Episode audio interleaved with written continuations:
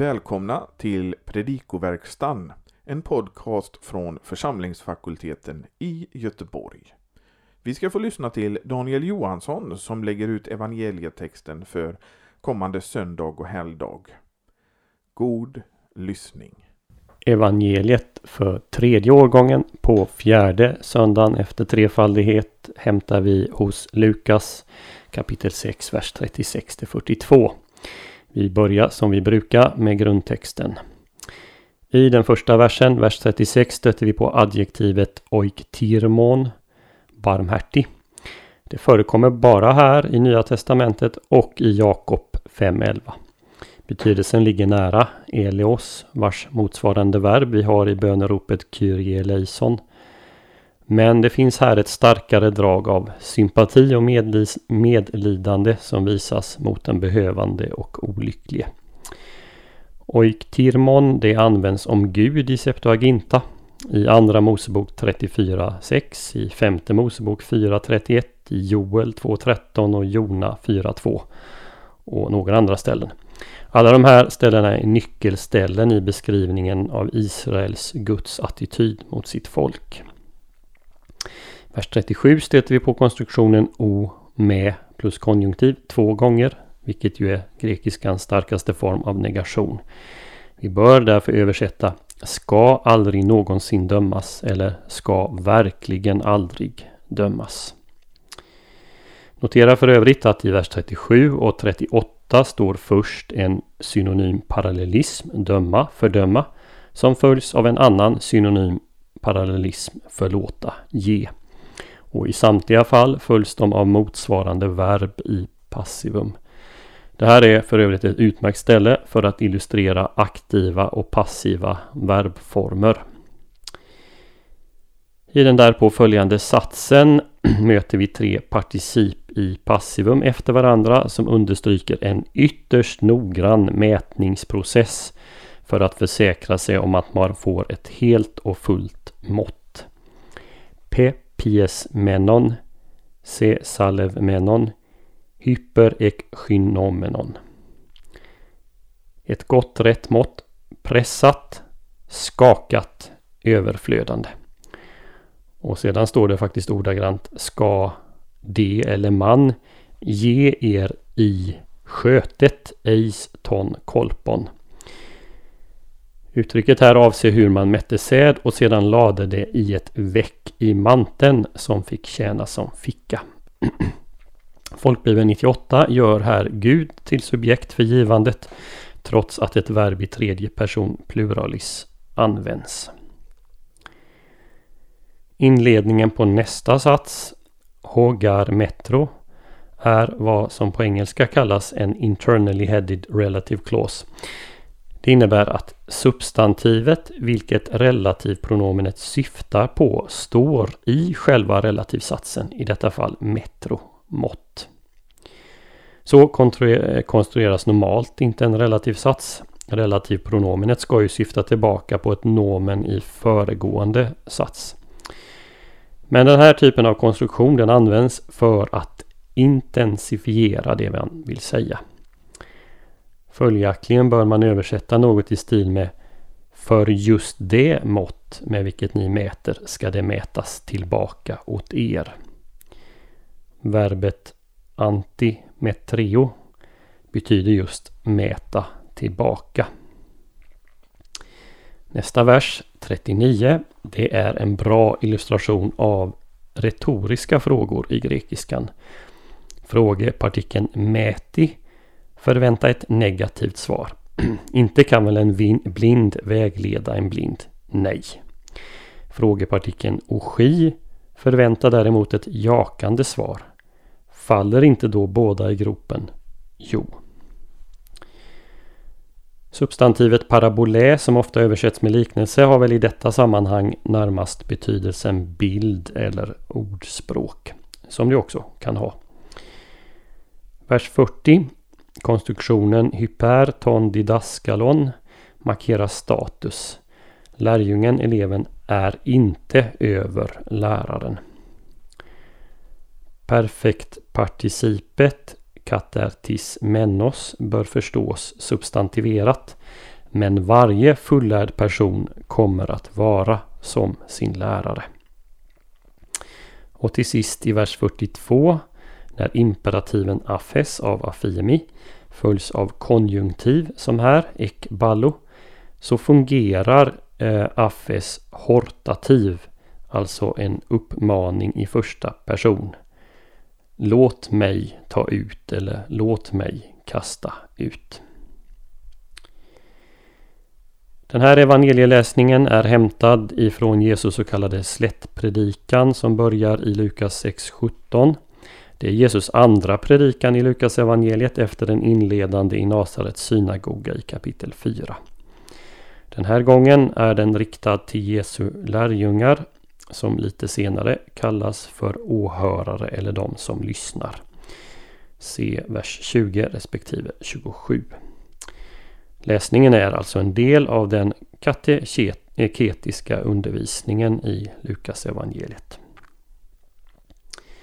I den grekiska grundtexten som vi har i Nestlalan delas avsnittet in i fyra delar. Först vers 36, var barmhärtig som Gud är barmhärtig. Den här utsagan knyter an både till det som föregår och i Bibel 2000 och folkbibeln så avslutar faktiskt den här versen föregående avsnitt. Men den knyter också an till det som följer. Den andra delen, vers 37 38 med samma mått som ni mäter ska det mätas åt er. Den tredje delen, 39 40, talar om vikten av att bli fullärd för att leda andra. Och eh, 41-42, den som leder andra tar först bort bjälken ur sitt eget öga. Mycket av det Jesus säger i de här verserna har paralleller i Gamla Testamentet, i den judiska litteraturen, men också hos grekiska filosofer. Det är frågan om allmängiltiga sanningar som Jesus skärper och upphöjer till norm i den kristna församlingen. Standarden för barmhärtigheten den höjs till högsta nivå. Var barmhärtiga som er fader är barmhärtig. En liknande utsaga finns för övrigt i Targum Jonatan till tredje Mosebok 22-28. Där det står så om vår fader är barmhärtig i himlen, var barmhärtiga på jorden. Adjektivet som används här hos Lukas, oiktirmon, det förekommer sparsamt men på många centrala ställen i Lukas, eh, eh, förlåt, i Septuaginta. Lukas, eller den som först översatte Jesu ord till grekiska, har förstått satsen som en anspelning på Andra Mosebok 34.6 och de ställe som senare citerar just det här stället. Till exempel Jona när han är irriterad på att Gud är barmhärtig i Jona kapitel 4, vers 2. Andra Mosebok 34 6 det är en av de viktigaste passagerna i Gamla Testamentet tillsammans med Andra Mosebok 3 och Femte Mosebok 6. Som ju beskriver vem och hurdan Gud är. Så som Gud beskriver sig själv när han visar sig, om än förtäckt för Mose. Sådana ska ni vara, säger Jesus. Fortsättningen av det Jesus säger måste nog också förstås i ljuset av det Herren säger till Mose han uttrycker ju inte bara sin nåd och barmhärtighet. Han säger också att han straffar. Men den saken ska lärjungen enligt Jesus överlåta åt Gud istället för att döma och fördöma, förlåt och ge. Senare i evangeliet illustreras denna sak av liknelsen om farisén och publikanen i templet i Lukas 18. Domen, även din egen, hör alltså i slutändan till Gud. Passivformerna på verben i verserna 37 och 38 eh, syftar säkert också på dömandet människor emellan. Men ytterst sett måste vi förstå dem som så kallade gudomliga passivum. Det vill säga att Gud underförstått är subjektet för dem. Så bör vi även förstå den positiva bilden i slutet av vers 38. Verbformen här i tredje person pluralis eh, kan avse människor emellan. Men den kan också förstås som en omskrivning för Guds handlande. Verbet mäta tillbaka uttrycker att Gud kommer att belöna lärjungens barmhärtiga handlande mot andra. Personens eget handlande sätter standarden för Guds reaktion. Jesus använder olika bilder för att få lärjungarna att pröva sig själva. Frågan är vad Jesus syftar på med bilden av den blinde guiden eller vägledaren. En del menar att Jesus syftar på att lärjungen ska undvika falska lärare för att de leder en till avfall. Så som i parallellen i Matteus 15.14. Andra menar att Jesus kallar lärjungarna till att pröva sig själva och att inse att bara Jesus kan leda dem. Det vill säga att de inte kan leda sig själva. I så fall använder Jesus samma ordspråk på olika sätt i olika sammanhang. Vilket ju är helt och fullt möjligt. Poängen med det Jesus vill säga här drivs hem i nästa vers.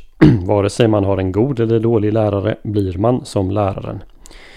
Jesus argumenterar i två steg. Först konstateras att eleven inte är större än läraren. I antiken levde ju eleven tillsammans med sin lärare. Då handlade det mycket mer om att bara läsa eller höra och ta till sig information. Man accepterade det läraren lärde genom att bokstavligen följa denne. Och man blev som läraren. Jesu återkommer till den här relationen mellan läraren och lärjungen på flera ställen i evangelierna. Några av dem finns listade i pdfen till den här predikopodden.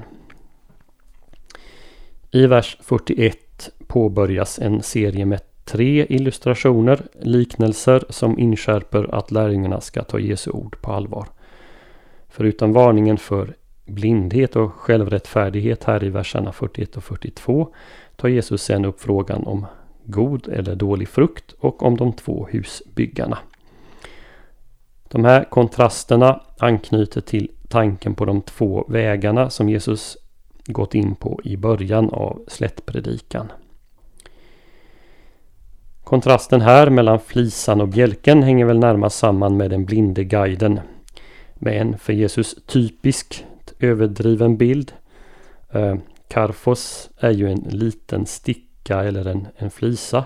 Och denna kontrasteras med dokos som är huvudbjälken i en byggnad.